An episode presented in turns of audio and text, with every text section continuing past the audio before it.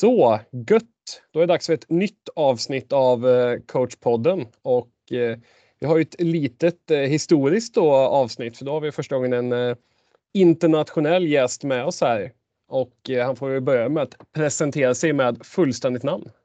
Sascha Rinner. Och om jag är då helt rätt informerad så är ju du från Schweiz men är tränare för Tjeckiens damlandslag. Bra research. Ja, det är fantastiskt här. Ålder? 48. Bor? I Zürich. Och eh, din moderklubb, alltså vart var första klubben du spelade innebandy? Lokomotiv Stefa. Om du skulle välja några favoritlag och det behöver inte bara vara innebandy utan det kan ju vara olika sporter och föreningar som du följer lite extra. Ja, då är det Manchester United och eh, mest Manchester United, ja egentligen, men FC Zürich som jag följer eh, sedan jag var liten här i Schweiz, eh, fotbollsklubb. Ja, det är nog de två som är jag mest in på.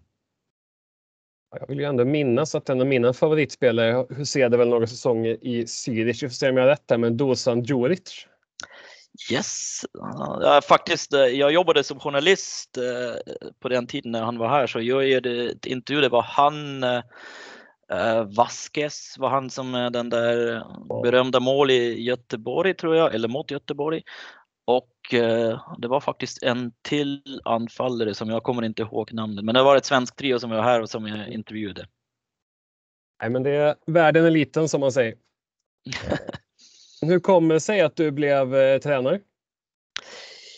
Ja, jag vill faktiskt liksom börja liksom med hur jag kom till innebandy för det var ju redan speciellt. Jag pluggade eh, svenska eller nordiska språk måste jag säga på universitetet i Zürich och vi hade på skojs skull spelade vi innebandy på universitetsturnering och så tyckte jag ja, det är jäkla kul sport så började jag på den där föreningen Lokomotiv för Stäfa.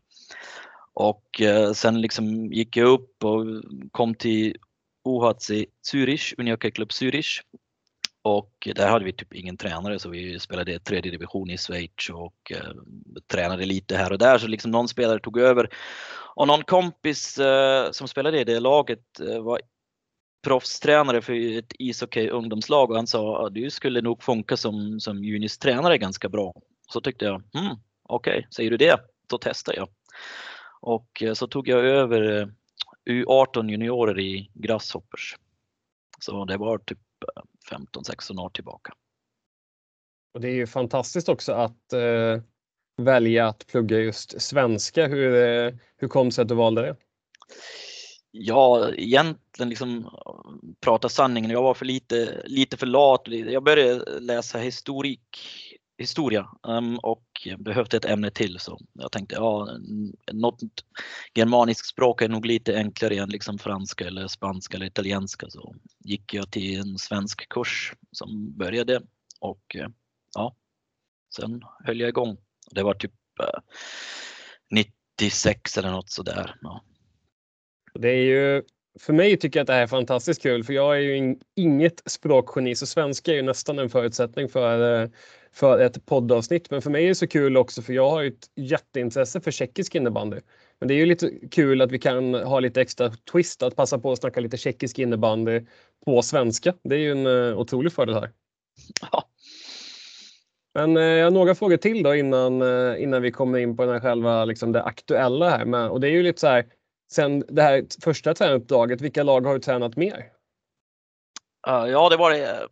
Jag tror att tre år med juniorerna i Grasshoppers, sen ett år assisterande med Hasse Ruschenberg i herrlag. Sen eh, tre år som assisterande i eh, Grasshoppers herrlag. Sen tog jag över som eh, huvudtränare i Klåten Jets. Ett år Vasa som Waldkirchsenkallen förkortas här sen hade jag två år med Dietlikons damlag, nuvarande Dietlikon Jets. Och och eh, sen 2016 tillbaka är det ju i Soks herrlag. Och eh, samtidigt hade jag eh, U19 Schweiz damer från 2012 till 2016 och 2017 kom jag in i tjeckiska landslaget. Samtidigt har jag U18 juniorer nu sedan två år tillbaka i Zug. Och om du skulle beskriva dig själv lite som tränare, är du en, taktiknörd eller brinner du mer liksom för eh, någon annan del att hålla träningar eller liksom vad, vad, vilken del brinner du mest för i tränarrollen? Ja, det är svårt att säga. Jag tycker förmodligen i början var jag mer, jag är taktiknörd med mer att kolla liksom vad de andra gör, hur kan vi lägga upp. Men jag tycker speciellt nu med Eh, juniorerna tycker jag inte taktik är det viktigaste, liksom en utvecklad spelare, liksom att de får förutsättningar att utvecklas och bli bra spelare så liksom de, vi kan använda dem senare i, i här laget. Och, Ehm, jag är ganska nördisk liksom när jag kollar en match, liksom även fotbollsmatcher. Jag gillar ju Match of the Day med, med pundits de har där och liksom lära sig lite. Okej, okay, vad gör de? Varför blir de eh, fri eh, där? Och liksom sådana saker är, är jag ganska nördig. Men uh, som tränare tycker jag mest fokus liksom på spel med boll och inte på liksom defensiv taktik. Men om du skulle ta över ett Eh, helt nytt innebandylag. Vi du får komma in här mitt under säsongen och så skulle du liksom försöka bygga någon form av spel. Skulle du fokusera mer och titta på vad kan laget idag och vad skulle vi kunna använda av det? Eller skulle du snarare jobba med en modell som du har testat förut? Ja, någon blandning förmodligen. Eh, för liksom när jag kommer ihåg liksom när första EFT med Tjeckien till exempel, då satte vi ihop femmorna och de fick bestämma själv liksom vilket defensivt system de, de vill spela för liksom de måste vara trygga där. Så jag tycker taktiken är överskattad på samma sätt som den är otroligt viktig. Men eh, jag är mer liksom följer modellen med de fyra spelarroller. Liksom jag har boll, min medspelare har boll, min motståndare har boll, min motståndare har inte boll. Så liksom de, de fyra roller. Och kan spelarna de fyra roller tycker jag, det spelar inte så stor roll. Liksom. Då kan man säga okej, okay, vi kör ett 1-2-2 eller 2-1-2 eller styrspel. Och de, de kan anpassa sig eh, på det. Så jag, eh, för att svara din fråga faktiskt, um, jag skulle nog se vad de, vad de kan, vad de spelar och sen liksom utveckla därifrån. Och sen beror det på liksom, um, handlar det om uh, ett vuxenlag liksom som, som ska liksom eh, slåss om, om något eh, mästerskap eller är det ett ungdomslag som ska utveckla spelare? det är otroligt kloka och givande ord. Jag är nog väldigt eh, med i det resonemanget. Jag tränar ju också just juniorer och tycker just att eh, taktiken kommer lite på köpet men viktigt blir ju liksom att, eh, att de tränar på liksom hantera och agera i de olika situationerna. Men ja. eh, nej, fortsätt, fortsätt. Ja, och sen liksom jag, jag tycker också det tränarna tar sig ibland, speciellt liksom ungdomstränare tar sig för viktiga. Liksom. Jag tycker liksom tränaren är inte så viktig egentligen. Och fattar man som tränare det, då blir man viktig. Liksom. Och eh, sen man måste ju också förstå som tränare, man kommer inte vinna någon hästkapslöpning på en, på en åsna. Så man, man behöver eh, ett bra häst för att vinna någonting, även om man är världens bästa jockey. Ja, exakt. Ja, det var riktigt så här Arrigo Sacchi, gamla Milan-tränaren eh, parallell där. Han var ju, mäst, han var ju mästare på det här att prata om eh, tränarens roll där för han hade ju inte spelat innebandy på elitnivå när han tog över Milan, vilket var lite kutym i Italien att det var en gammal storspelare som eh, som skulle vara coach just. Och då sa han det att eh, lite som med hästsporten där, för att vara en bra sån här kusk så behöver man inte ha varit en bra häst. Mm. Ja. Jag är ganska nyfiken liksom hur, hur hittar liksom hur hittade du till tjeckisk innebandy eller hur hittade tjeckisk innebandy dig? Hur, kom liksom, hur kommer det sig? Ja, det, det är nog det senare faktiskt. Um, men eftersom, uh, som jag sa, tränade U19 dam i Schweiz så vi, vi spelade ganska ofta mot Tjeckien och uh, hade en bra relation med den uh, tjeckiska förbundskapten U19 som var där. Han tog över damlandslag 2014-15 eh, och där. Och det var eh, EFT i Schweiz när de, det gick lite katastrof för dem mot Schweiz. De torskade 2-12 eller någonting. Så eh, fick jag veckan där på ett mail och han frågade liksom om jag skulle vara intresserad och vara del i deras ledarskap för VM i Bratislava 2017. Ja, så flög jag dit, vi pratade lite och sen var jag in. Typ. Så att, eh, men hur kom, när tog du steget från eh, U19 till damlandslaget? Uh, jag var ju bara U19 Schweiz och sen damlandslag i Tjeckien. Så liksom efter, ja. efter det så, ja, jag har aldrig haft damlandslag i Schweiz. Ja men precis, ja, men då är jag med på, på hur du menar. Men om, om man skulle titta på de olika länderna här att eh, nu kastade jag mig med lite sliviga uttryck här när man tittar på damlandslagen då att eh, Sveriges styrka beskriver ju många som att de har liksom en stark bredd och många spelare att välja på liksom och kan vara, kan vara bra på tre, tre femmor liksom och, och så medan Finland kanske har lite mer att de har en väldigt spetsig första femma. Men eh, vad tycker du är Tjeckiens styrkor? Ja, jag, jag, tycker faktiskt nu eh, när vi siktar på senaste VM att vi hade tre olika men tre bra femmor. Så vi har ju spetsen med, med Kruppen och Varatajeva fortfarande. Det är onekligen, de är ju topp eh, 10 fortfarande tycker jag. Av bästa spelare. Um, men sen liksom det kommer, det kommer upp en hel del unga uh, spelare som vill lira innebandy. Och uh, det tycker jag det som är det mest spännande med Tjeckien just nu. Um, där tycker jag har vi bra, bra bredd och vi har bra unga spelare. Så liksom vi, man ser ju samma sak lite på, på mäns lag som nu eh, tog brons i Helsingfors. Och eh, jag tycker liksom deras ungdomsverksamhet eh, verkar producera jättemånga bra spelare och eh, det är nog eh, en styrka vi har. Vi har bra unga spelare så har vi fortfarande liksom de som är lite äldre som, som också kan spela innebandy. Men vi har, vi har också en, en, en viss bredd tycker jag.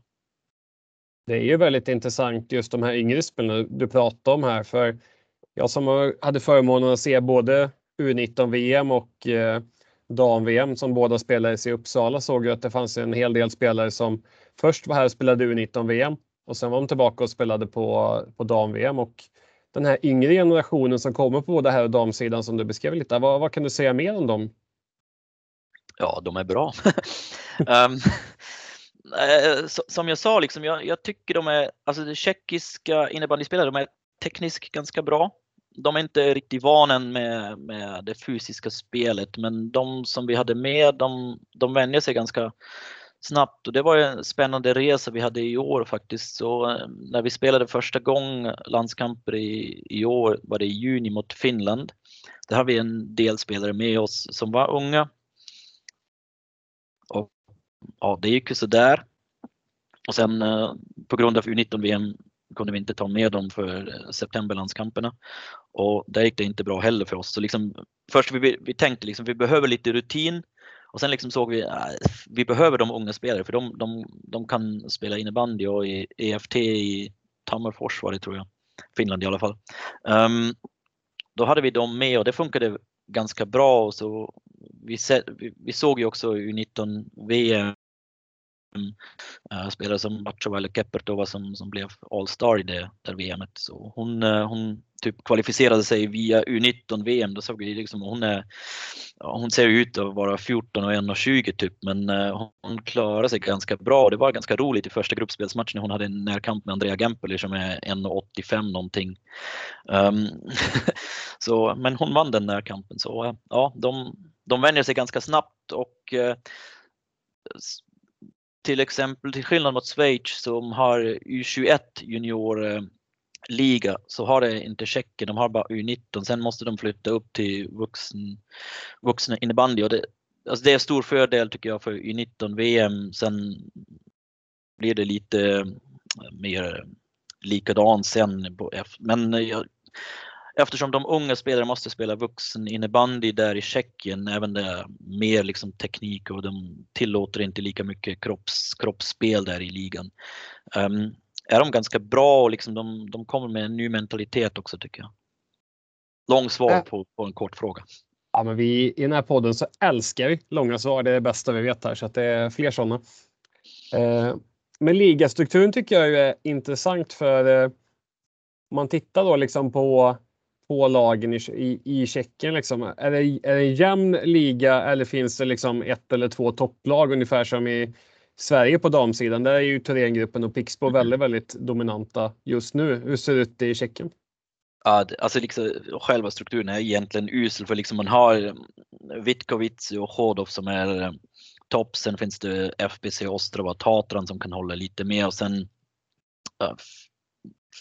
blir det sämre och sämre liksom. Och de två, tre sista lag, de är verkligen inte, inte med. Um, alltså det är inte som Thorengruppen som, som slår alla med typ 10 plus mål. Så där är det inte, men inte lika överlägset Vitkovice, men de vann förra året. De har inte torskat någon enda match. Så, um, det är ungefär likadan men på sämre, äh, ja, på, likadan men, men på sämre nivå än typ SSL. Jag tycker ändå liksom SSL, man, man måste kriga för att vinna matcherna. Skulle du generellt sett säga att det är en fördel ju fler spelare man kan få som flyttar till svenska superligan? Yes. um, och jag tycker de, de våra, våra landslagsspelare skulle klara i ett SSL-lag också. Och, uh, det har ju visat sig också efter, uh, redan efter våra landskamper, efter U19-VM, efter EFT och nu efter VM. Liksom det var en del tränare eller som, som jag känner som har hört av sig som skulle den eller den spelaren vara intresserad att komma till Sverige. Och eh, man ser det ju också, ju fler SSL-spelare man har desto, desto bättre blir landslaget. Och om du skulle bara gissa, liksom, tror du att de flesta av de här lite yngre tjeckiska spelarna, är de intresserade att flytta till Sveriges blindbandy? Um, ja, jag vet att en hel del, liksom, det är deras liksom, dröm Alltså jag tycker de, för de flesta unga spelare, vart de än kommer ifrån, faktiskt Tjeckien, Schweiz eller även Finland, de, deras dröm är ju att spela SSL. Det är ju liksom innebandys NHL och eh, ja, så den, den dröm finns någonstans i huvudet. Ja, men det är coolt och det är, det det är ju ett spännande rekryteringsfönster eh, också i och med att det känns inte som att så jättemånga har koll på den eh, tjeckiska innebandyligan utan man kanske kollar mycket på landslagen så det är väl en nyckel att man spelar bra i landslagen men eh, kanske man skulle titta lite mer på ligan också och göra lite, lite fynd där. Men om man, om man jämför ligan, liksom, om man tänker liksom, eh, om man jämför den med, eh, med Schweiz till exempel, att, eh, vilken liga tycker du är starkast av den tjeckiska och den schweiziska? Som jag sa, jag, jag, tycker de är lite olika i, i att uh, tjeckiska ligan är mer teknisk innebandy och schweizisk uh, ligan är lite mer fysiskt spel. Um, sen tycker jag liksom ändå schweiziska ligan är lite mer uh, jämn mellan lagen. Alltså det finns två, tre lag liksom. På, det, det är bara tio lag i Schweiz NLA och tolv i tjeckiska extraliga så det gör ju nog en skillnad redan där. Och um, um, när bästa lag i Schweiz eh, inte har en bra dag så måste de ändå kämpa hårt mot de, mot de liksom mittfältlag i, i Schweiz. Det tycker jag är lite jämnare um, än, än i Tjeckien. Hur ser det ut eh, publikmässigt i tjeckiska ligan? Är det mycket publik på matcherna eller vad, hur ser det ut där? Ja, det är lite, ja det, alltså på damsidan liksom det brukar vara bara tvåsiffrigt oftast så det det är lite synd faktiskt. Det är väl en utmaning som sporten har eh, generellt på många platser runt om i världen, så det är inte, det är inte unikt bara för, för Tjeckien i så fall. Nej, nej, det är ju samma sak. Liksom jag, jag ser ju samma sak. Vi har ju ett damlag i SOG också och de, de har ju samma problem. Vi har ju samma problem med SOGs herrlag, inte på tvåsiffrig nivå men ändå liksom på lite, lite mer publik. Men eh, ja, samma, samma utmaning där. Och det är ju väldigt intressant för där är ju faktiskt innebandy-VM och landslaget ett väldigt bra skyltfönster för att eh, sprida sporten eh, nationellt i länderna och internationellt till, eh, till an andra länder. Men om man skulle prata lite då VM och eh, framförallt VM i Uppsala då, då är jag lite nyfiken på hur, hur såg er uppladdning ut innan ni åkte till Sverige? Hade ni någon samling i Tjeckien till exempel innan ni flög, flög hit? Uh, nej, i år faktiskt valde vi att uh, ha samling i Malaga, uh, Spanien. Och ehm, vi bedrev en hel del liksom, ehm, jobb för liksom, vi, vi fixar hall och vi fixar rinkar, vilket är inte är så enkelt i Spanien kan jag säga. Men vi hade sju innebandypass där nere och sen flög vi direkt från Malaga till, till VM i Uppsala. Jag tycker att eh, Uppsala funkade som, eh, som VM-stad? um, ehm, Ja, alltså jag älskar ju Uppsala. Jag har varit där typ 50 gånger faktiskt för liksom nu är min bästa kompis som jag pluggade med bor i Uppsala.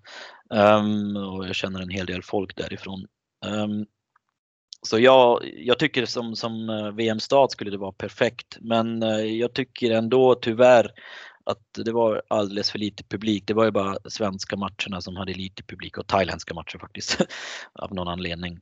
Um, så vi, har, vi spelar liksom våran match mot Schweiz till exempel, gruppspelsmatch. Alltså det var ju knappt 100 åskådare där tyckte jag. Så en var min kompis faktiskt som bor i Uppsala. Um, så det tyckte jag lite synd. Där kunde man ha gjort lite mer och få, lite, få in lite mer folk. Jag är faktiskt eh, helt enig. Jag måste också säga jättekul att du gillar Uppsala som stad i övrigt för eh, där, där hänger jag en hel del. Så kommer du hit någon mer gång så bjuder på eh, kaffe och lunch och allt som kan tänkas eh, bistå med. Så att se till om du kommer hit fler gånger. Ja, nej, vi hade perfekt. Eh, vi, vi eh, var i Hotell von Krämer som ligger nära slottet eh, som jag tycker låg perfekt lite utanför och ändå liksom ganska nära till stan. Jag känner liksom alla de, de fikaställen.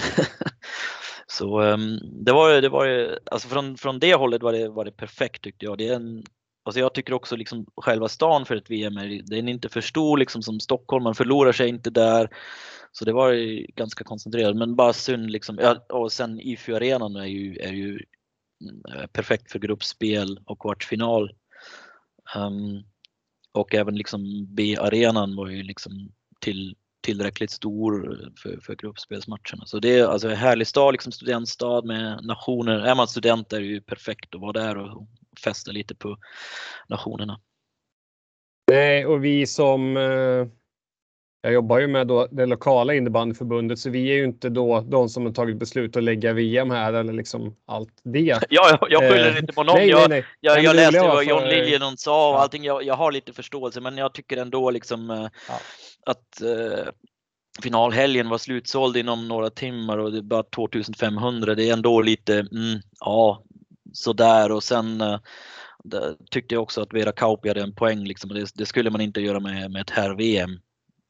Nej, jag tänkte bara säga att jag är nämligen eh, helt, helt enig i både det du sa och det Vera Kauppi delade. Att, eh, vi kände ju också liksom att det är jättekul att de lägger ett VM i Uppsala, men vi har ju liksom ingen arena med den kapaciteten. Eh, mm. Dessutom är det ju lite utmaningar liksom med den, eh, tror jag, den prisbilden som blir när man lägger dessutom med nackdelen med Uppsala att det finns så enormt mycket innebandy här.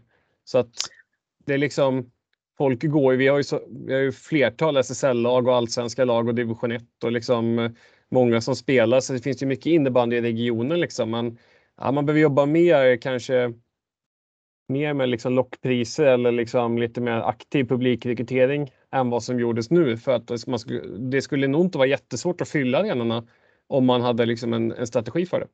Ja, jag vet inte. Liksom det, alltså som du sa, liksom, det finns ju Hagunda, Stor, eh, ja, Storvreta, Sirius. Eh, de har ju alla ungdomslag och liksom, ja, ge, ge dem biljetter, liksom, för, gärna gratis också i så fall om, ja. om du får in dem. Så bara få lite stämning och det, det kan ju vara kul för de unga tjejer eller även pojkar liksom, att se liksom, eh, innebandy på liksom, ja, skulle jag ändå säga, liksom när, när topp fyra nationer möter då, då är det bra matcher. Liksom. Och eh, ja, men eh, ja, det var som det var. Jag gjorde faktiskt så också att eh, laget, juniorlaget som jag tränar i just Hagunda, de såg ju till att de fick jobba som funktionärer på både liksom eh, Tjeckien, Schweiz och Finland och matcherna och sånt där liksom att eh, just så man får chans att kunna se lite och få lite intryck och sånt med. Så det är ju extremt nyttigt. Men där är vi ju tillbaks till det här med den här publikrekryteringen som innebandyn behöver göra i stort, inte bara liksom landslag utan även på klubblag. Att jag tycker mm. det skulle vara intressant att ha VM och klubblagen som ett skyltfönster. Att vi kanske, okej, okay, vi kommer göra lite ekonomisk förlust på att vi sänker biljettpriser och har väldigt förmånliga priser på våra landslag. Men det kanske kan bidra till ett större intresse sen liksom på klubblagsnivå. Liksom, att landslagen kanske kan bli dragplåster som får fler att upptäcka liksom, hur kul det är att gå på innebandy.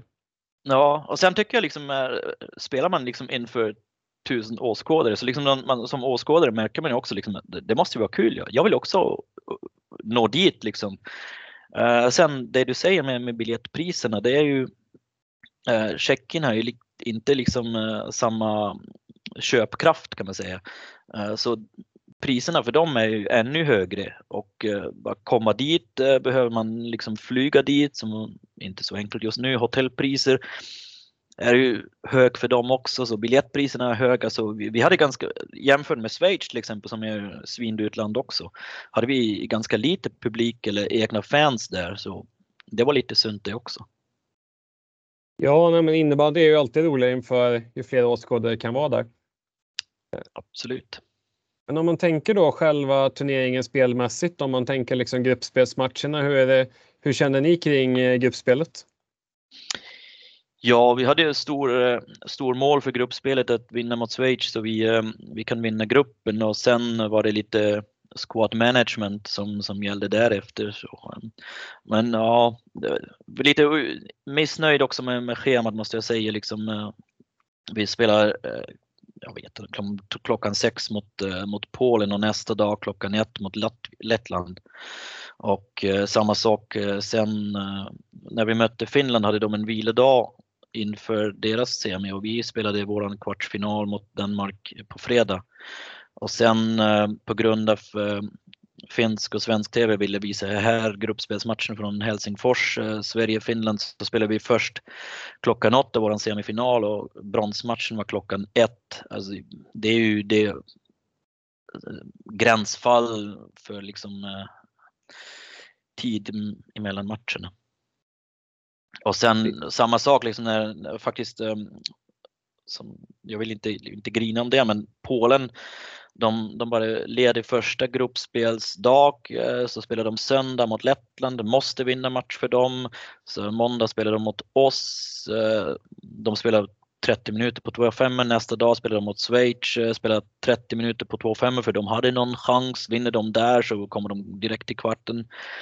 Så dagen efter det spelade de sin slutspelsmatch mot Ryssland eh, där de låg under 0-3 efter 30 minuter som de var tvungna att köra all in igen. Och dagen efter torsdag spelade de eh, sin kvartsfinal mot Finland som spelar fyra matcher på sex dagar. Och för Polen var det femte match på fem dagar. Så det, är, det blir lite ojämnt där tycker jag. Ja, men det är intressant att du lyfter för det var faktiskt en aspekt som inte jag eh, tog till mig någonting av att jag jag ser inte varje lands schema på det sättet utan det är mer alltså det, det är jäkligt intressant. Eh, för att det kan bli så olika också.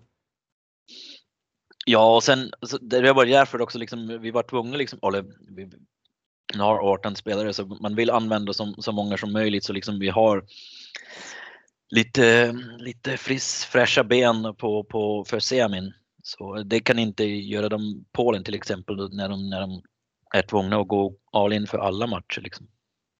Men eh, när man har ett så pass tufft schema, jobba, jobbade ni något särskilt liksom med återhämtningen eller liksom eh, gör spelarna förberedda nästa match? Ja, vi, vi hade ju vissa, vissa saker vi hade med oss. Vi hade någon äh, återhämtningsdrinks, vi hade några sådana där återhämtningspants, byxor och äh, ja, jogga ner och allting. Man, man gör det man kan men eh, man, sen liksom, man planerar ju också och vi visste liksom efter eh, efter eh, Polen match, liksom, okej okay, det är bara ganska kort tid. Samma sak efter, efter semin fast då var det ännu svårare. Sen liksom hände det ju också, dopningskontroll hade vi exakt efter de eh, uh, Polen match och semifinalmatch så ja, tack för det också. ja, ibland känner man ju verkligen att man har uh, allting emot sig och att ingenting studsar med. Ja, alltså det, vi förlorar eller, eller vinner inte på grund av någon enstaka dopingkontroll, men det var bara sådär, okej, okay, måste det vara exakt nu liksom? mm. ja, men det brukar alltid vara när det behövs som minst där. Men eh, om vi tar den gruppspelsmatchen där mot, eh, mot Schweiz, kan du inte berätta lite om hur ni upplevde matchen? Uh, oj, oj, oj. Um, väldigt tight. Jag tror vi var bra förberedda för vad de, de gör, var vi kan hitta öppningar. Det var ju, vi tränade en hel del liksom i Malaga också eh, för den matchen faktiskt. Um, sen vill man fortfarande inte lägga alla kort på bordet såklart i en gruppspelsmatch för man vet liksom det finns en chans att man möter dem igen. Um, ja men uh, det gick ju bra för oss. Eh, jag tycker vi var bättre och vi förtjänade att vinna där om man tänker sen, eh, men hur mycket går man och laddar liksom eh, för semifinal och den matchen sen liksom? Är det liksom gruppspelsmatchen mot i det här fallet Schweiz och en semi man går och laddar för liksom? Eller hur mycket fokus kan man lägga på de andra matcherna?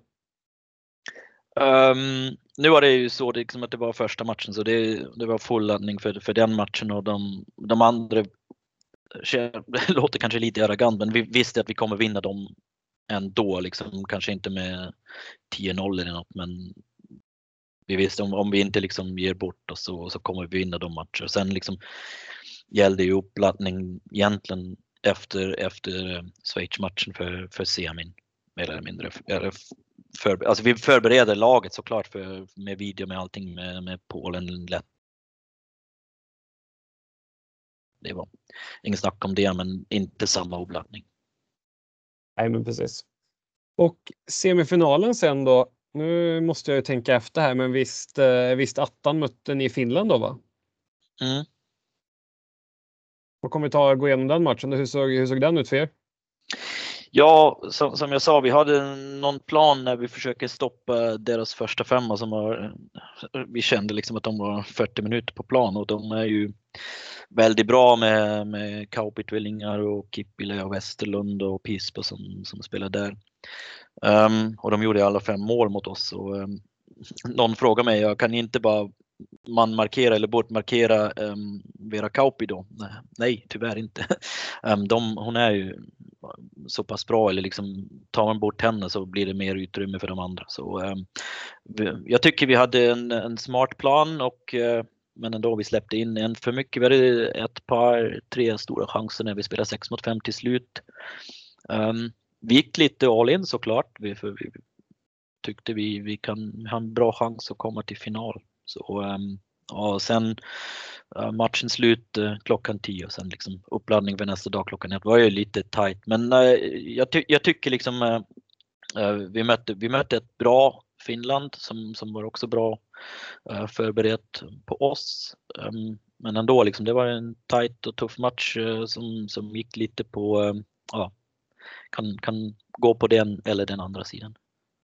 Och det jag tycker är väldigt kul att följa det är ju faktiskt när man tittar på ert lag att Finland upplever jag bygger extremt mycket på sin första femma. Det var ju samma sak i finalen, att det var ju så uppenbart att de ska göra allting i deras spel. Medan ni går på 3-5 väldigt länge, vilket jag tycker är helt rätt, för ni har ju verkligen tre formationer som alla skapade målchanser på. Ja, alltså en, en grej som jag kan, kan berätta liksom när vi förbereder oss så liksom vi testar lite olika. Okej, okay, ska vi ha någon typ checking line mot eh, deras första femma? Men vi har fått lite strul ibland med, med matchningen och sen jag gillar inte så mycket matchningen för liksom man tappar fokus på det egna spelet. Så eh, när vi förbereder oss eh, så förbereder vi alla tre femmor på hur de skulle spela mot deras första femma till exempel. Ja, men det, det värmer att höra, för jag delar dina tankar där att eh, ska man, då kan man ju se fa fasen på att det blir liksom ett bytesspel där man liksom hela tiden ska liksom vara beroende av att få in rätt spelare mot rätt motståndare Då, precis som du säger, man tappar bara fokus. Så jag tycker det är klockrent och det är ju kul att följa också liksom det här. Eh, för det, det blir ju lite olika spel i varje formation också, så det blir ju svårläst för motståndarna att möta era formationer i och med att de kanske skiljer sig åt en hel del. Ja, men det är inte mitt problem. Exakt. men, nej, men jag, alltså liksom för att komma tillbaka, jag, jag kommer ihåg en, en uh, slutspelsmatch med Grasshoppers när vi, när vi spelade mot Grünmatt och de var verkligen in liksom och bara deras första femma mot våran första femma, bla bla bla. Och uh, alla gånger liksom vi, ja, man hade ju roligt som coach. Liksom, okay, vi, vi ställde upp de båda femmorna och skickade in liksom, tredje istället av andra liksom, där de inte kunde reagera. Och nästan varje gång de inte mötte den femma de, de ville möta så släppte de in ett mål. Så, eh, ja, det är lite därifrån också min, min hållning kommer. Liksom en, av, man kan ju liksom försöka lite, okej okay, vi vill inte ha dem, den femma i och för sig om, om det går men, men inte liksom stenhårt. Nej, och det, ehm, det är ju otroligt intressant med de här femman och formationen. Men eh, hade ni liksom olika taktik i varje formation i offensiven eller liksom blir det att varje formation får skapa sitt eget spel eller har ni gemensamma riktlinjer för alla formationer? Ja, men eh, de har ju sitt eget spel för de, de olika spelare. Så ehm, um, Kubetskova kan inte spela på samma sätt som, som Krupnova spelar. En är 1,65 och den andra 1,85 så bara det blir någon annan spelstil typ. Um, sen eh, vi har man får ju lite, lite vissa grundregler eller, eller principer när man ser liksom okej, okay, eh, motståndarna de har öppningar här eller där eller liksom det är deras svagheter. Så man, man försöker spela på dem och då, då blir det likadant för alla femmor. Men uh, samma sak med motståndarna, de, de spelar lite olika också för de har olika spelartyper. Så liksom vi har analyserat och förberett någon där gamebook kan man säga, inte playbook, men gamebook. Och eh, analyserat liksom hur, de, hur de andra femmorna spelar. Liksom de kanske andra femman har eh, mer öppningar där än liksom första femman som har de öppningar där. Sådana, såna små saker, sådana detaljer. Hur mycket kollar du om en match i efterhand? kollar du den på video liksom en gång eller kan det vara flera gånger? Eller gillar du, du kanske inte kollar alls eller hur jobbar du där? Uh, lite olika nu efter VM. det beror ju på liksom hur matchen gick, men till exempel bronsmatchen kan man inte kolla för mycket för liksom, ja, det var ju en jag vet ungefär vad som, vad som inte gick bra. Um, men liksom till exempel Finland eller skulle vi ha mött Sverige så kollar man lite noggrannare. Okej, okay, um, där skulle vi ha spelat lite mer där eller liksom där skulle vi ha gjort det och det eller coachat lite annorlunda. Men inte, jag är framåtriktad och inte så mycket bakåtriktat. Och eh, alltså jag kollar ju eh, matcherna från EFT inför VM. Den, de kollar man ganska noggranna och sen efter VM det blir en ny cycle och eh, kanske ny, nya tränare, man vet ju aldrig så kanske inte värd att liksom nörda sig in för mycket. Om man skulle tänka inför en match, gillar du att visa mycket videoklipp eller eh, hur jobbar du där? Uh, vi brukar jobba liksom att vi kör om motståndarna kanske 3-4 minuters video som mest liksom okej okay, öppningar där eller de gör sin eh, spelöppning det och det uh, om, man, om man ser ett tydligt mönster. Uh, men sen är det ju så liksom man tycker det alltid lite farligt också liksom när jag går in för mycket och säger ja ni måste göra det och det eller vi måste göra, spela den spelöppningen. Um, och eh, då är liksom någon forward av eh, motståndarna gör något som den inte skulle göra. Jag kan inte gå till motståndarnas tränare och säga hej, eh, kan du inte uh, be din forward att spela som, som hon skulle spela, så, för vi måste spela vår spelöppning. Så ehm, jag, jag, försöker liksom lära spelarna att de måste, de måste läsa spelet själv egentligen. Liksom. Um, och eh, det går ju så himla fort på innebandy så liksom att uh, de uh, det är därför liksom med, med juniorerna jag spelar mycket tre mot tre och småplansspel som de många beslut de måste ta och lära sig själv och ta beslut och värdera de beslut de tar. Och uh, så, lite samma sak på um, på landslagsnivå. Jag tycker ehm, vi kan, vi kan ge dem lite idéer. Ni måste, ni måste köra det och det, men sen när de själva på plan och måste, måste ta beslut och värdera beslut också. Är det, var det rätt beslut? Sen kan man diskutera också i, när, efter, efter ett byte eller efter en match. Och var, det, var det rätt beslut eller skulle vi ha gjort lite mer åt andra hållet? Liksom? Nej, men det, jag blir lycklig när jag hör dig prata innebandy för jag tänker precis att eh, det är så jäkla rätt tänkt så att eh, Ja, jag, jag blir glad av att höra det här. Det tycker jag är fantastiskt kul. Jag jobbar ganska likt med mina juniorer också så det känns ju skönt att höra att man gör någon, någon mer tänker lika. Ja, härligt och nu vet man varför det går så bra för Hagunde. Exakt, ja, precis. Det är förresten, jag, vet inte om du känner Jonathan eh, Hedlund? Jo, jag vet om det Ja, han uh, har ju spelat ett år eller två år i Schweiz i mitt lag. Så. Ja, precis, han, det... han, är ju Hagunde också. Så. Precis. Du som har lärt honom, eh, lärt honom alla tips som han fått ta med sig hit då? Nej, kanske inte. Nej, men det är kul. Det, det tycker jag också innebandyn har kommit liksom. Och den är väldigt konkurrenskraftig. Den är rolig att spela för spelarna får känna att de har ett väldigt stort ansvar.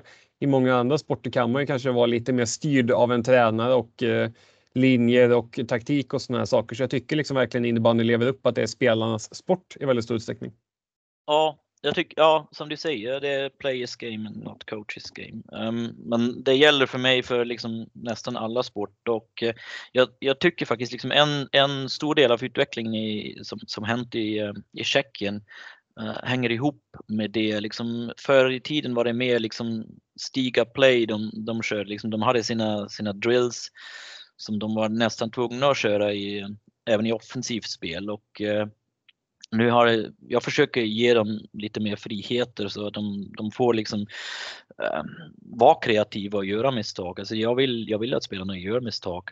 Inte kanske på en VM-final eller semifinal men vägen dit äh, måste vara full av misstag annars kan man inte utveckla sig.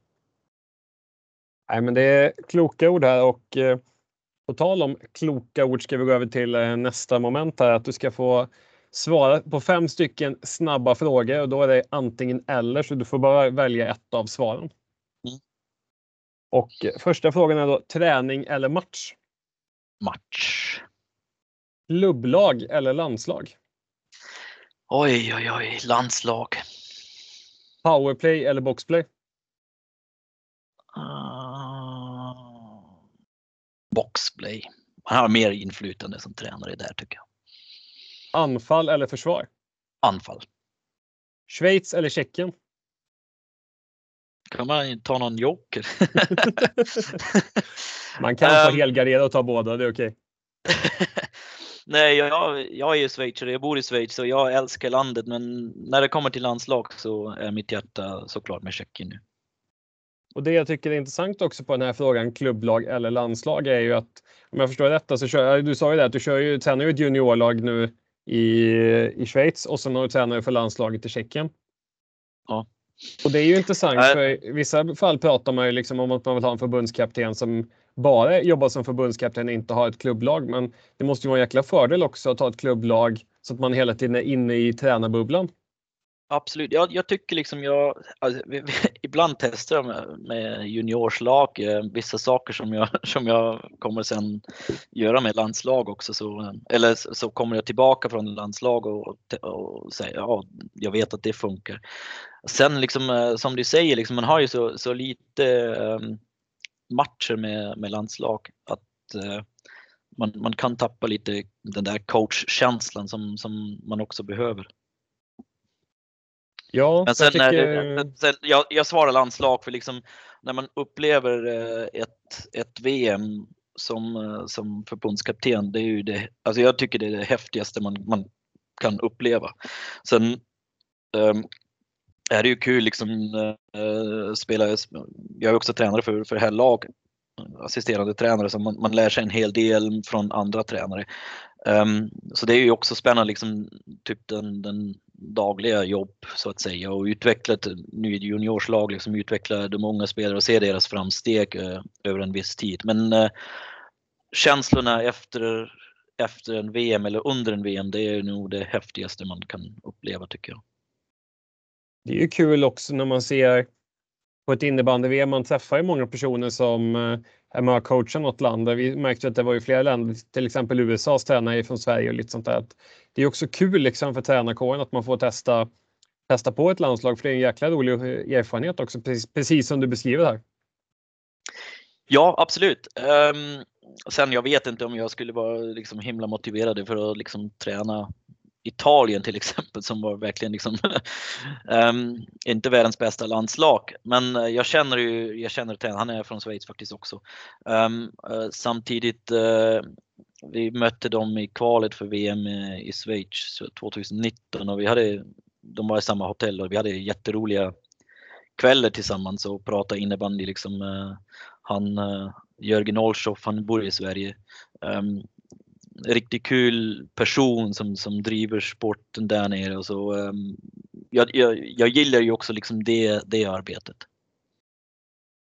Men jag, jag delar dina, dina tankar återigen där att eh, det, känns ju inte, det känns som en hopplös uppgift i vissa fall att coacha, coacha några av länderna. Men eh, jag beundrar de som lägger ner så mycket kraft och energi för att eh, göra det bra för sina, sina lag. Där finns många, många otroligt härliga eldsjälar runt om i innebandyvärlden.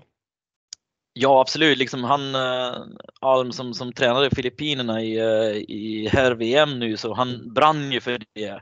Och det var ju, det var ju skitkul också att se liksom hur, eh, hur han upplever det. Och liksom, även, han visste liksom förmodligen att de kom, inte kommer vinna VM-guld. Men lägger in liksom så mycket energi. Sen har jag en kompis som tränade österrikiska landslaget. De är ju ännu sämre än, än Italien, men han lägger in, liksom, jag, jag ser på hans eh, Insta och Facebook-konto liksom, hur mycket tid han lägger in och jobbar med XPS och allting. Liksom. Det, jag beundrar liksom, det, för liksom, ah, jag vet inte om jag hade samma energi för, för ett sånt landslag för att vara ärlig. Mm. Nej, men vi eh, passar på att hylla lite extra de där fantastiska eldsjälarna som gör att eh, de här länderna sakta men säkert faktiskt tar steg i sin utveckling så får vi väl se den dagen det kommer ett lag som utmanar Sverige, Finland, Tjeckien och Schweiz. Det skulle vara kul om du får gissa på något land som du ändå tror har haft positiv utveckling sista åren. Eh, de kanske inte behöver vara där just nu, men är det något land du ser som du tror kan ta något steg till här ganska snart? Uh, tyvärr inte måste jag säga. Jag, jag tycker liksom corona inte hjälpt uh, att uh, avståndet mellan topp 4 och de andra har blivit lite, lite eh, mindre. Um, men sen ser man ju liksom att Polen till exempel, de har ett par unga bra spelare, så hon eh, från Malmö, Hellman. Um, Slovakien är, har ju liksom krigat lite här och där. Um, men nu um, känns liksom att deras gyllene generation börjar bli äldre och sluta. Så ja, tyvärr, tyvärr ser det inte så ut att liksom det de närmaste åren någon annan nation kommer att utmana.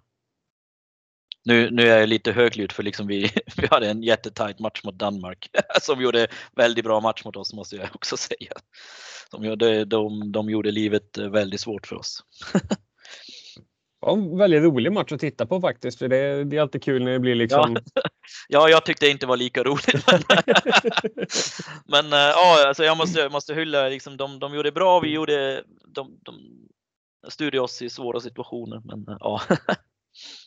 Jag hyllar också, liksom, jag, jag gratulerar deras, deras coacher som de, de gjorde ett bra jobb där.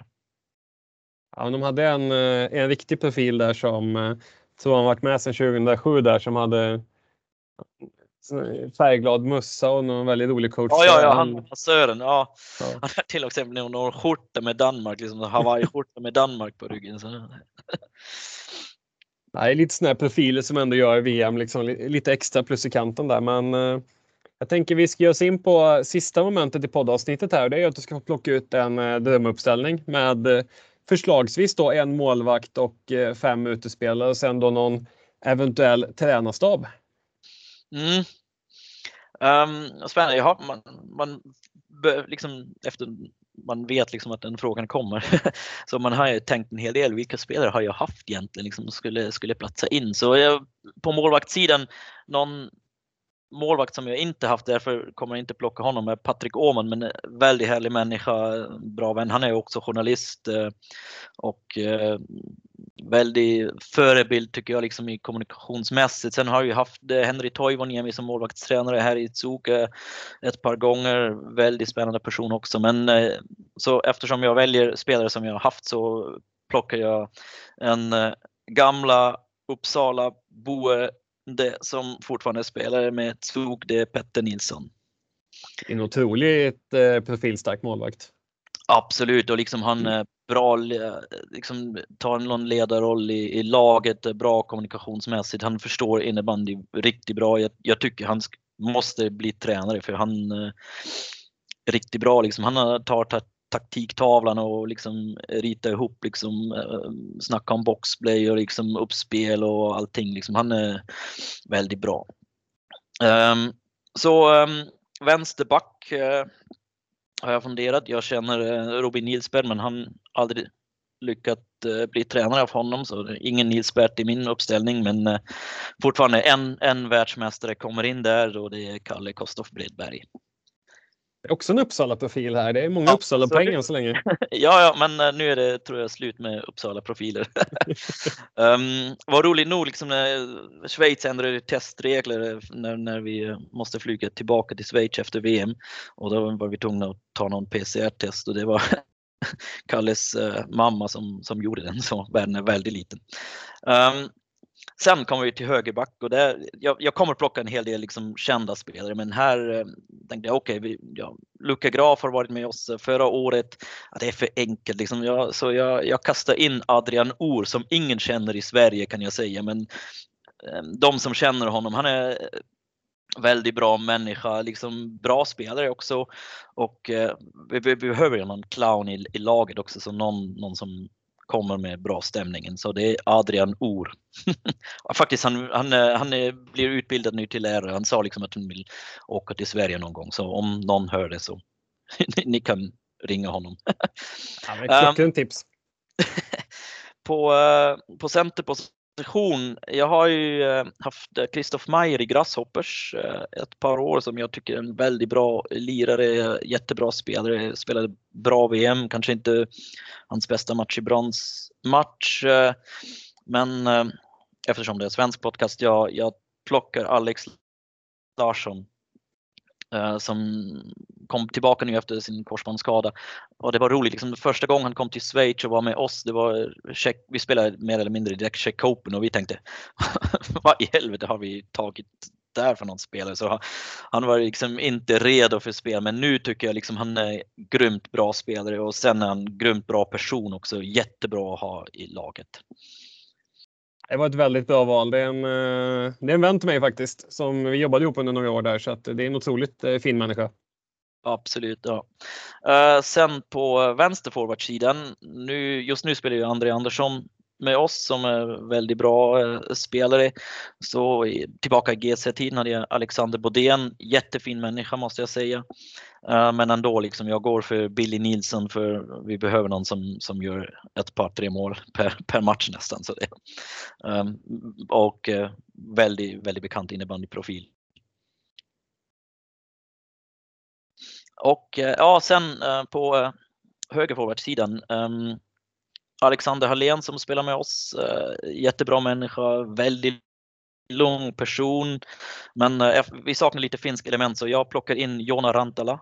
Uh, ung spelare som, som var med oss när han var liksom 17 år. Um, riktigt bra spelare. Han kommer, han kommer vara givna i landslag tycker jag de, de närmaste åren. Riktigt bra lirare, bra teknik. De unga generationsspelare för 99.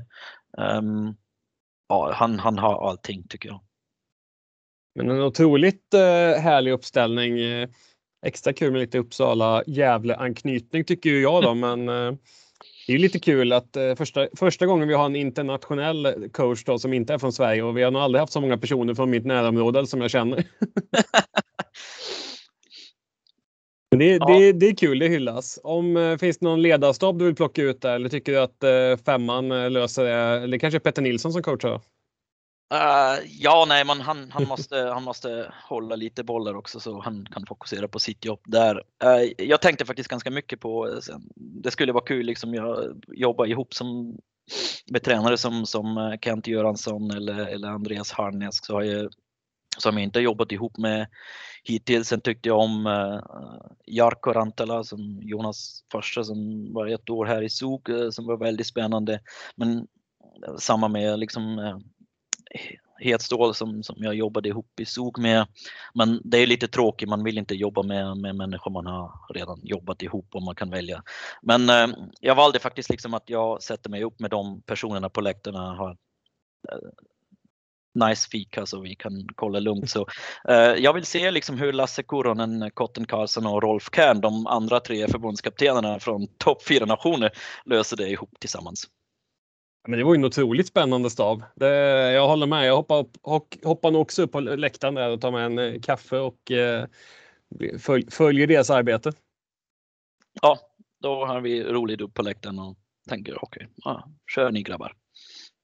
Nej, men fantastiskt kul och eh, väldigt roliga och bra svar. Jag blir riktigt lycklig när man hör någon som eh, prata innebandy om just att det är spelarnas sport och alla de värderingarna. Och fantastiskt kul att få höra lite om tjeckisk innebandy som eh, jag tycker är väldigt rolig att följa. För oavsett om man ser på A-landslagen här eller dam eller U19-landslagen så tycker jag faktiskt att eh, det som det som är kul är att det kommer många unga spelare som är duktiga på att spela innebandy. Det är inte bara liksom fysik och liksom taktik utan det är framförallt lirar.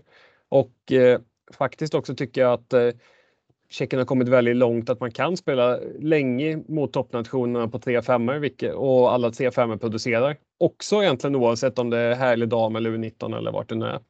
Så jag tycker det är otroligt kul att få följa tjeckisk innebandy. Det, det görs mycket bra där nere.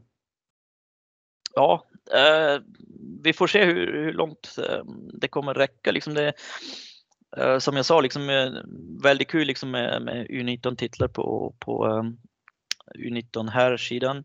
Eh, jag tycker också liksom det, det ger lite, um, hur ska man säga, liksom, eh, uh, mentalitet liksom att man ser liksom, okej, okay, vi, vi kan nå det. Uh, sen är det ju så liksom damlandslag, de har ju bara vunnit en brons 2011 och uh, herrlandslag 2004, det var ju smärt, smärtsam erfarenhet för Schweiz hemma-VM där eh, eh, Tjeckien eh, slog Schweiz i semin när de, Schweiz faktiskt räknade med att spela final i Schlurfweg där. Um, en spelare som jag faktiskt glömde nämna som, som högerforward är Niklas Ide som var i Grasshoppers när jag var juniortränare. Fantastisk människa och fantastisk person. Um, det var den VM han också var med och vann. Så, ehm, ja. Men eh, ja, vi får se liksom hur, hur långt det, det bär med, med Tjeckien. Vi har ju, vi har ju ett eh, ganska ungt lag. Jag tror vi hade yngst lag av topp fyra. Um, och eh, även på här sidan liksom, jag såg någon, någon jämförelse med fin, inför semin, Finland snittade 29 någonting och Tjeckien snittade 24 någonting. Så det, det, är stor skillnad men sen liksom man får också se hur långt, hur långt det går för unga spelare. Kan de, kan de utveckla vidare eller, eller eh, är de, är de liksom på sin, på sin topp nu. Men jag, jag tror faktiskt inte, jag, jag, tror vi kommer utvecklas men um, för, för att nå nästa, alltså jag, vi, vi var ju nära final nu två gånger i rad faktiskt så jag, jag tycker final är möjligt. Och VM-guld, um, ehm, är, man, är man givna för liksom favorit för, för VM-guld så behöver vi mer spelare i SSL på herr och damsidan faktiskt från, från tjeckiska sidan. Um, Sen en, en annan sak som, som jag tycker liksom var, var spännande att se, liksom, förr i tiden var det mer så liksom att Tjeckien behövde bra försvar och bra kontring och en, en dålig dag för motstånd. Och det är inte så längre idag så liksom eh, Tjeckien kan, eh, kan lite bestämma själv liksom eh, om, om de slår de, de andra nationerna. Ja, och jag delar verkligen eh, den bilden. Att det liksom finns ett spel över tre formationer som eh, av de matcher jag har sett nu, både U19 dam och dam-VM är jävligt imponerande, måste jag säga. Ja, uh, ja, men jag har fått liksom höra en hel del så um, det, um, det är ju uh, väldigt spännande den där delen av utvecklingen men uh, fortfarande vi har kom till fjärde plats liksom på, sen, sen liksom 2013 alla gånger så där måste vi ändra någonting, liksom att vi, vi kan ta nästa steg. Men det som är bra, liksom Tjeckien har vunnit på utansidan liksom två, två uh, brons nu uh, 2018 i Sankt Gallen mm. och i år i Uppsala på 19 och de, de kommer med någon annan mentalitet. De är, de är mer van också med västerländska livsstil och allting. Så liksom, men det behövs lite tid.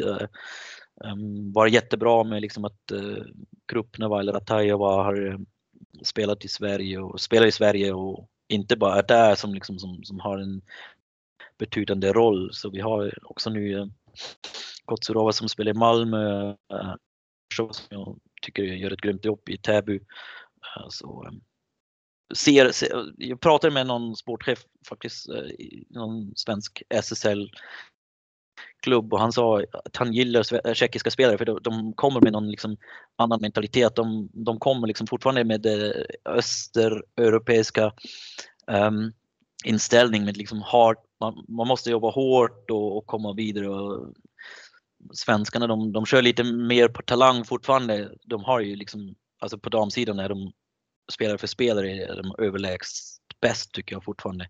När, när jag satte ihop eh, de tre femmor inför VM som, som Sverige skulle ha. Liksom, Okej, okay. shit. Det är ju liksom första femmor för alla de andra länder.